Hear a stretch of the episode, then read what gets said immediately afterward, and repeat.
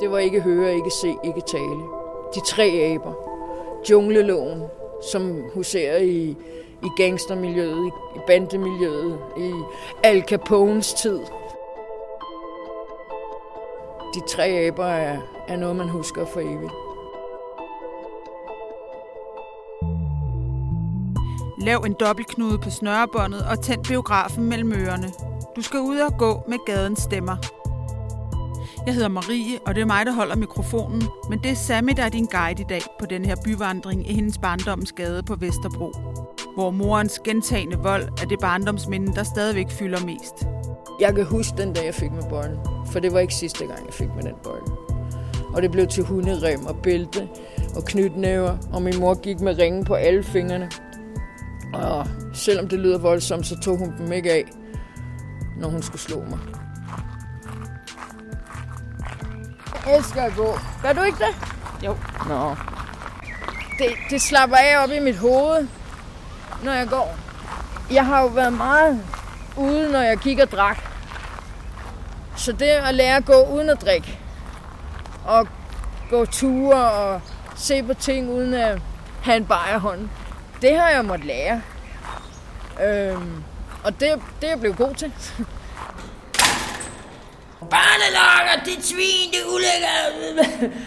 I gamle dage var det en træport. Det vil sige, at mændene kunne stå bag porten. Og min mor kaldte dem børnelokker. Jeg vil så kalde dem mændene, der pisser alle vejen. Og nogle gange var de jo så fulde, så de både pissede ned af sig selv og alt muligt. Og så kom vi løbende der som små unger der og råbte, Børnelokker! Jeg hedder Samia, også kaldt Sami.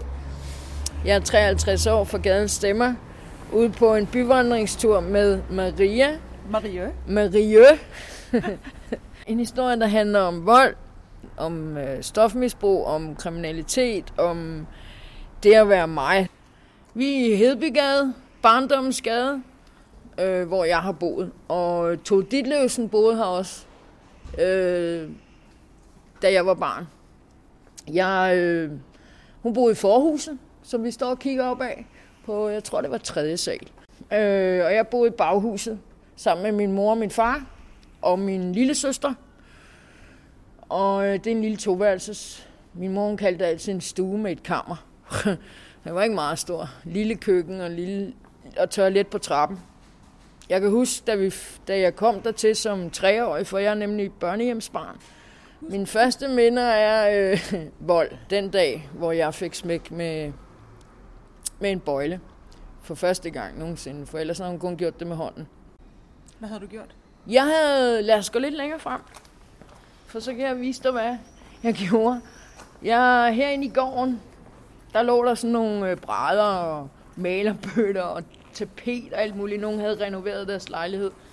Og jeg stod hernede og ventede på, at øh, vi skulle gå, og min morfar skulle komme, og min storebror skulle komme. øh, så stod jeg og kiggede på det bræt, som lå lidt skråt, og en malerbøt ved siden af. Blot maling, tror jeg det var.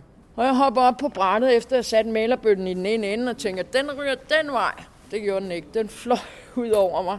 Og inden jeg så mig om, så var jeg jo smurt ind i maling, og min mor, som jeg var øh, skrækslagende for, det der skete, var jo også forfærdeligt. Det var mit nye tøj for frelserens her. Så jeg løb ud af porten og stod ind i en dame, som jeg ramler ind i, så hun får også maling på sig. Og jeg siger, hjælp, hjælp. Min mor slår mig ihjel for det her. Og hun siger, kom, så skal vi op og vaske det af. Vi skal nok redde det, vi skal nok redde det.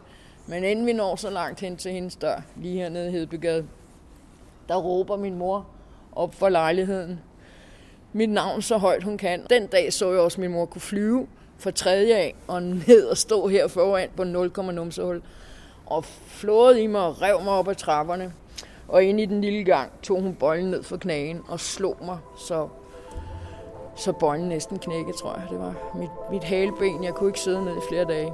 Hvor gammel var du der? Jeg var fem år. Fem og halvt år.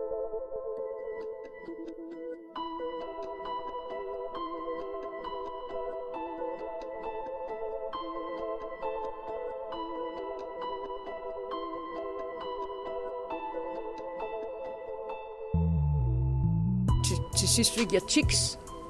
Så når folk kom tæt på mig og rakte ud efter mig, så gjorde jeg sådan. Med så armen. med armen op, og jeg reagerede med at prærere, inden folk kom for tæt på. Og jeg har, jeg har, ikke, jeg har ikke krammet. Jeg har ikke været sådan en, der fik kys og kærlighed. Min mor, hun drak, øh, da jeg var barn. Men øh, senere hen fandt jeg ud af, at øh, min mor tog piller. Og hun tog noget, der hed dupsiner, som er speed.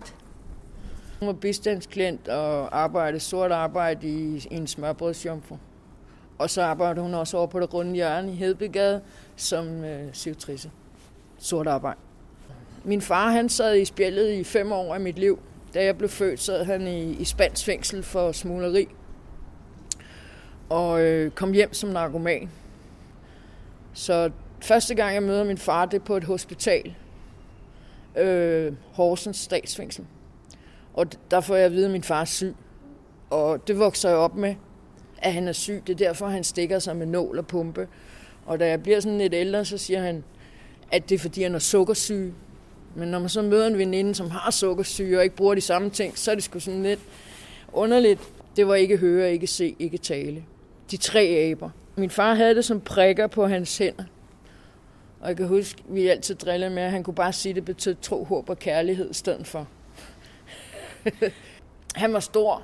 Han var overtatoveret. Han, var, han lignede Elvis med bakkenbarter helt ned til kinden og over. Og håret tilbage og masser af guldringe og store kæder. Og han kunne finde på at ligge ind på sofaen og råbe, Susi! Susi! Stop nu! Ikke mere! Mor råbte, hold din kæft, du skal ikke blande dig. Så råbte han tilbage, jo jeg skal, for de slår du ind i hovedet, kan de se det over i skolen.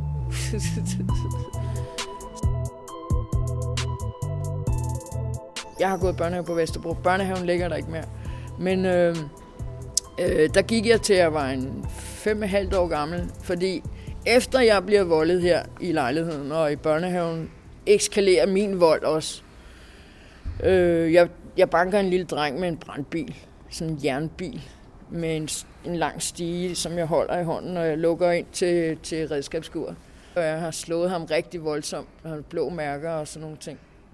Han havde kastet sand på en anden pige, og, og, og hun græd og havde sand i øjnene, og så reagerede jeg bare og slog ham, ligesom som min mor gjorde. Hvis man skal af, afrette nogen, så er det sådan, man gør. Så det fik jeg jo ballade for at blive, blev taget ud af børnehaven, fordi de sagde, at de kunne ikke have mig. Så jeg blev taget ud af børnehaven. Jeg var med på den sidste koloni, hvor min mor så glemte at hente os. Det tog fire timer før hun, hun kom. Der er et billede af os siden ude foran børnehaven, mens den er lukket. Ja, det er ikke så sjovt. Hun glemte os.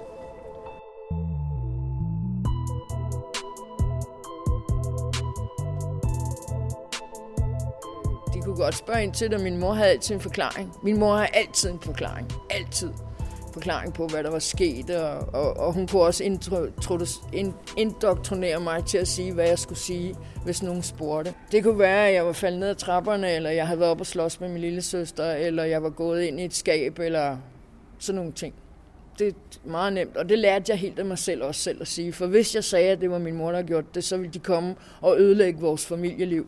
Og det skulle jeg vide, at hvis jeg gjorde det, ville hun aldrig tilgive mig. Men i dag havde det jo aldrig gået. En mor, der kommer ned, kom så lille Freja, ikke også? Nu skal vi, og jeg skal ikke bukke mig, for jeg har en øl i inderlommen. Nej, det havde aldrig gået. Altså, opmærksomheden på børn i dag er lidt bedre. Øh, lov for det.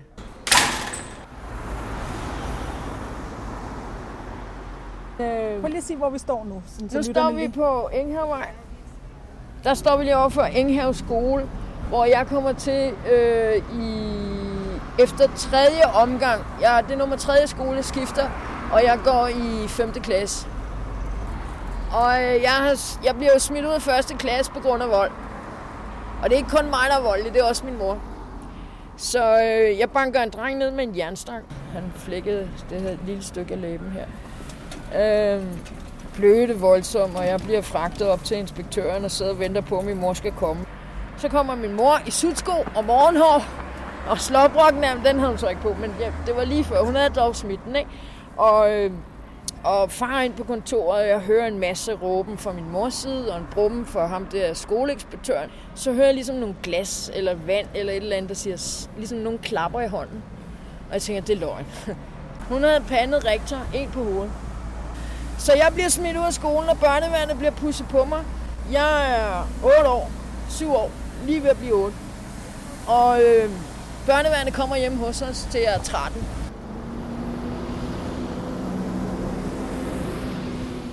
Miriam var min skolelærer i, min, i 5. klasse. Og 5. klasse er faktisk også den sidste klasse, jeg går i. Hun er den første, der spørger mig, hvorfor jeg har et blåtmærke der, hvorfor jeg ikke vil til gymnastik, hvorfor jeg ikke vil have shorts på, hvorfor, dit, hvorfor jeg ikke vil have korte ærmer på og sådan noget.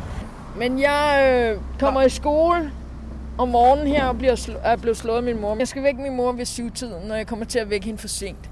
Og øh, hun reagerer ved at fare efter mig igennem stuen, og ude i køkkenet får hun fat i mit lange hår og vælter mig ned på gulvet og banker mig to gange eller tre gange med knytnævslag direkte. Og jeg får sluppet fri af hende og løber ned ad trapperne og tager bussen herind og prøver at få tørret alt det meste blod af og, og græder og kommer op i skolen og er lidt hård der. Har fået stoppet næseblødningen og har papir på året for toilettet af. Det der brune sparepapir. Hvad ikke suger en skid. Så hun siger Miriam, da hun råber os op, uden at sige mit navn, kigger hun på mig og siger, hvem har gjort det der? Vil du gerne have, at jeg hjælper dig? Så sagde jeg, ja. Hvad vil du have hjælp til? Jeg vil gerne hjem, væk hjemmefra. Jamen, så skal du melde din mor for vold. Og vi kører forbi øh, en eller anden forretning, hvor jeg får en kuffert. Og så bliver jeg bare sendt ind på værelset og pakke. Jeg hører min mor råbe. Hun siger, det kan ikke være rigtigt. Ah, hun har sagt forkert. Det er ikke rigtigt. Hvad vil du sige til Miriam, hvis du mødte hende i dag? Jeg vil sige tak. Tak fordi du var der i det sekund, hvor jeg havde brug for det. Og du holdt fast ved det. Og du ikke var bange for min mor. Tak. Det er lige hvor vi går. Kom nu, kom nu. Vi skal op. Det ved jeg ikke. Vi går på gaden. Jeg ved ikke, hvordan jeg gør Jeg bliver aldrig taxichauffør. Jo, men så, så skal jeg i hvert fald have GPS. Istegade. Det er Istegade, det er rigtigt. Det er også Istegade, det her. Ja. Og hvad er der inde? Krist, Kristkirken. K-R-I-S-T kirke. Kristkirke. Nu står vi her på kirken, foran kirken, og, og den repræsenterer mine forældres død. Altså, jeg er jo på skolehjem, jeg er på efterskole, øh, og min far han bliver mere og mere syg derhjemme. Og en dag jeg kommer hjem, har han været, har han været indlagt og blev behandlet for bylder på begge lår. Han har været narkoman i 30 år, 40 år, når min far han begår selvmord, mens jeg er hjemme på weekend.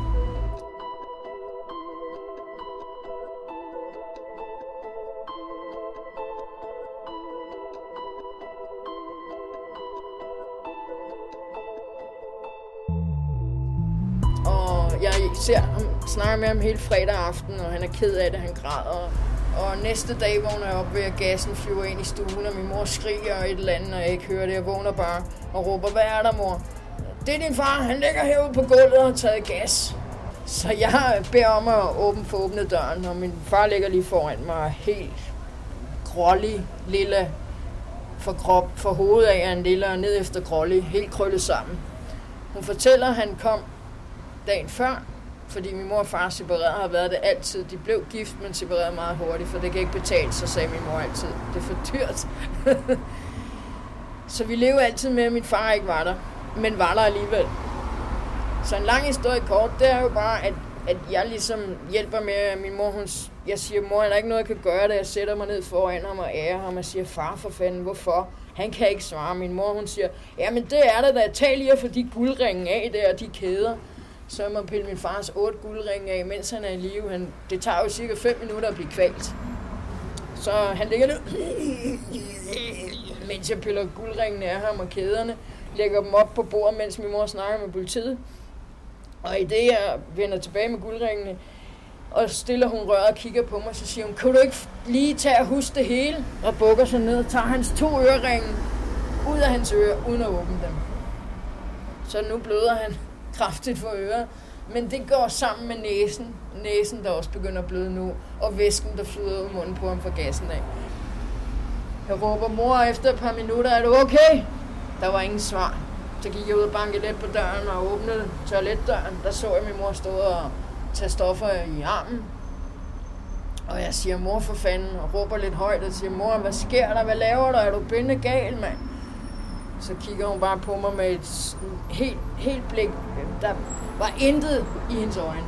Kigger hun bare på mig, og så siger hun, jeg laver det samme som, som far. Jeg laver det samme som din far. Det ved du godt.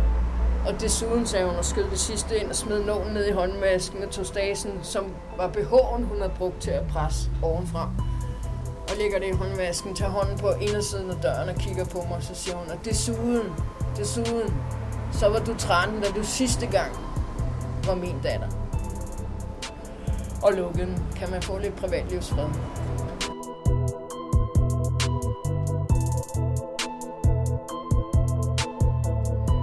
Jeg bliver ringet op ned på mit arbejde to og et halvt måned efter. Jeg har ikke hørt fra min mor i den tid, at min mor er kommet på hospitalet. Øh, jeg skal komme ned på kontoret. De skal lige snakke med mig. Og jeg løber jo derned og tænker, hvad der er sket og sådan noget. Ikke? Og så siger de det til mig, at min mor kom på hospitalet. Hun har ligget der i fire uger. Hun er gået i koma. Det vil sige, at min mor hun blev fundet om morgenen af min lille søster, og har nok været fået en ro der om natten. Min, begge mine søskende lå sov, da de vågner af min mor. Hun er ikke til at komme i kontakt med. Min storebror og min morfar bliver tilkaldt. Han tager min søsken med. Og de, da han er den ældste, min storebror fra min mors side, tager han beslutningen om at slukke for respiratoren. Uden at kontakte mig. Du får ikke rigtig sagt farvel til hende. Det gør jeg ikke, nej. Jeg får ikke lov til at give hende den sidste flad. Nej. Vil du have gjort det? Det vil jeg. Jeg ville have slået hende. Jeg havde givet hende en flad og sagt tak for sidst. Det vil jeg. Selvfølgelig havde jeg givet hende en flad. Det er en selvfølge. Fordi hun har slået mig så mange gange, uden at jeg har forstået hvorfor. Fordi jeg havde en skrue i lommen, eller fordi jeg havde huller i gummiskoene, fordi jeg havde sure tær. What the fuck? Selvfølgelig havde jeg givet hende en flad. Jeg ville godt have min mor. Men så ville jeg håbe, at hun havde forandret sig hen ad vejen med årene. Min mor var kun 36 år, da hun går hen og dør 37 år. Altså ingen alder for en mor med to børn. Som jeg sagde, det er fint nok, du ikke kan lide mig, men du har mine små søsken bag dig. Selvfølgelig er tingene ikke okay. Det er en opvækst, som jeg altid vil have på mig. Det er ting, som gror sig fast i mig, som jeg har måttet arbejde med øh, i alle de år, jeg kan huske efter det her skete. Alle årene. Ikke? Så du har tilgivet for din egen skyld? Jeg har tilgivet for min egen skyld, og også for min søskens skyld. Øh, fordi jeg har jo fået noget kontakt med min søsken i dag. Gudskelov for det. Fordi jeg har ødelagt alt. Brændt min bro og tændt mit lys i begge ender og købt det i Odense og troede, det også virkede. Så been that, on that. Men, men, men også det her med, at hvis man, ikke, hvis man stadigvæk er vred, så går det også ud over de andre familiemedlemmer jo. Altså jeg, jeg skal også tilgive, øh, for, for at de kan tilgive.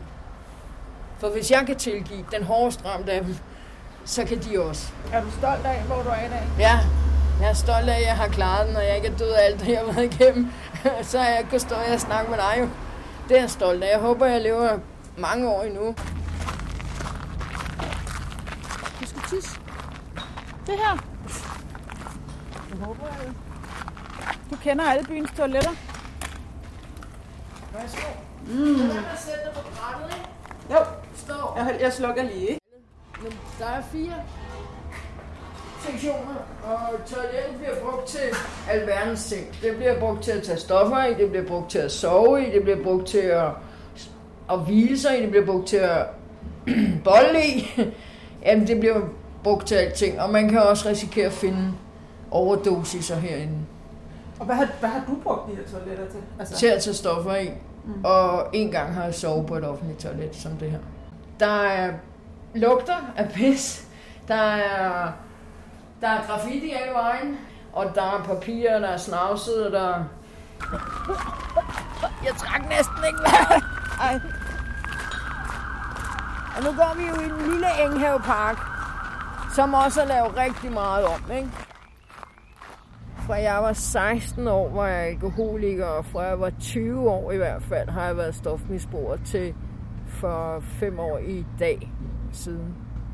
Stofmis, altså det er fem år siden, jeg stoppede med alkohol, og det er, jeg er stadigvæk stofbruger, men er under kontrol og har et godt forløb. Og, og det, at jeg stoppede med alkohol, det, det er jo noget af det bedste, jeg gjorde for mig selv, men jeg fik jo også kun tre måneder at leve i, så det skulle gå hurtigt jo. Jeg fik konstateret, at jeg havde øh, hepatitis C, Øh, det fik jeg konstateret for 12 år siden, men med, fordi jeg havde alkoholproblemer og ikke kunne stoppe med det, har været på flere afvendingssteder. Øh, og når jeg kom hjem igen, så startede jeg bare forfra. Det, det hun sagde til mig, du har kun tre måneder at leve i, jeg var sådan, hvordan ved du det? Hun sagde, take it or leave it, tag ansvar for dit liv, og det er nu, du skal gøre det, for ellers så har du ikke noget tilbage.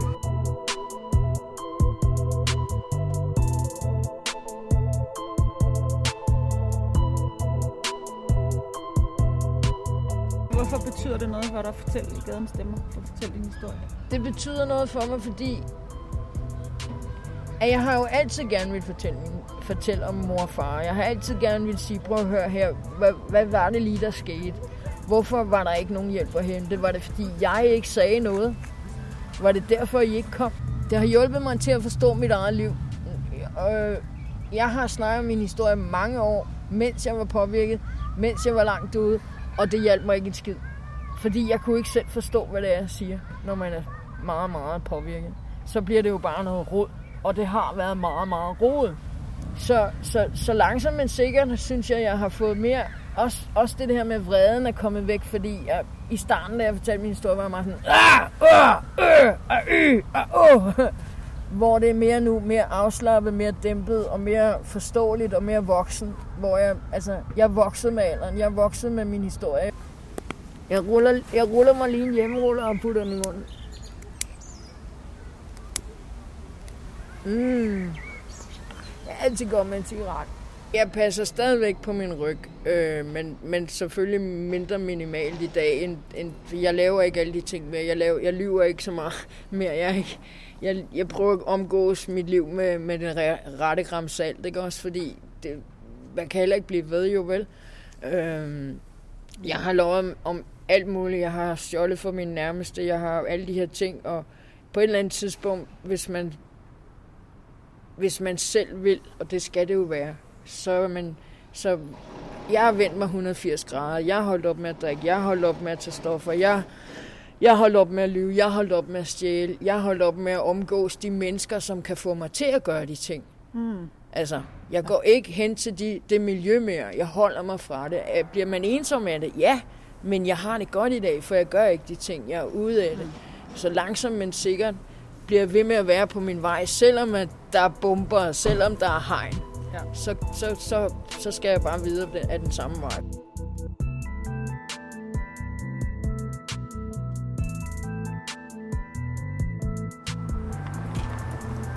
Det er min skole. Nå, var den fed. Tak for i dag. Jeg håber, at det bliver godt klippet sammen, og vi, øh, får noget godt ud af det. Hej. Hej.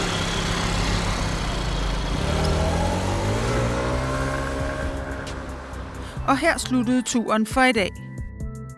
Podcasten er udgivet af Gaden Stemmer og produceret og tilrettelagt af mig. Jeg hedder Marie Brynskov. Vil du også med dig af, kan du læse mere om byvandringerne på gadenstemmer.dk. Og synes du også, at guidernes historie fra samfundets skyggesider fortjener at blive hørt af endnu flere ører, så del endelig med dem, du kender. Men først og fremmest tak, fordi du lyttede med.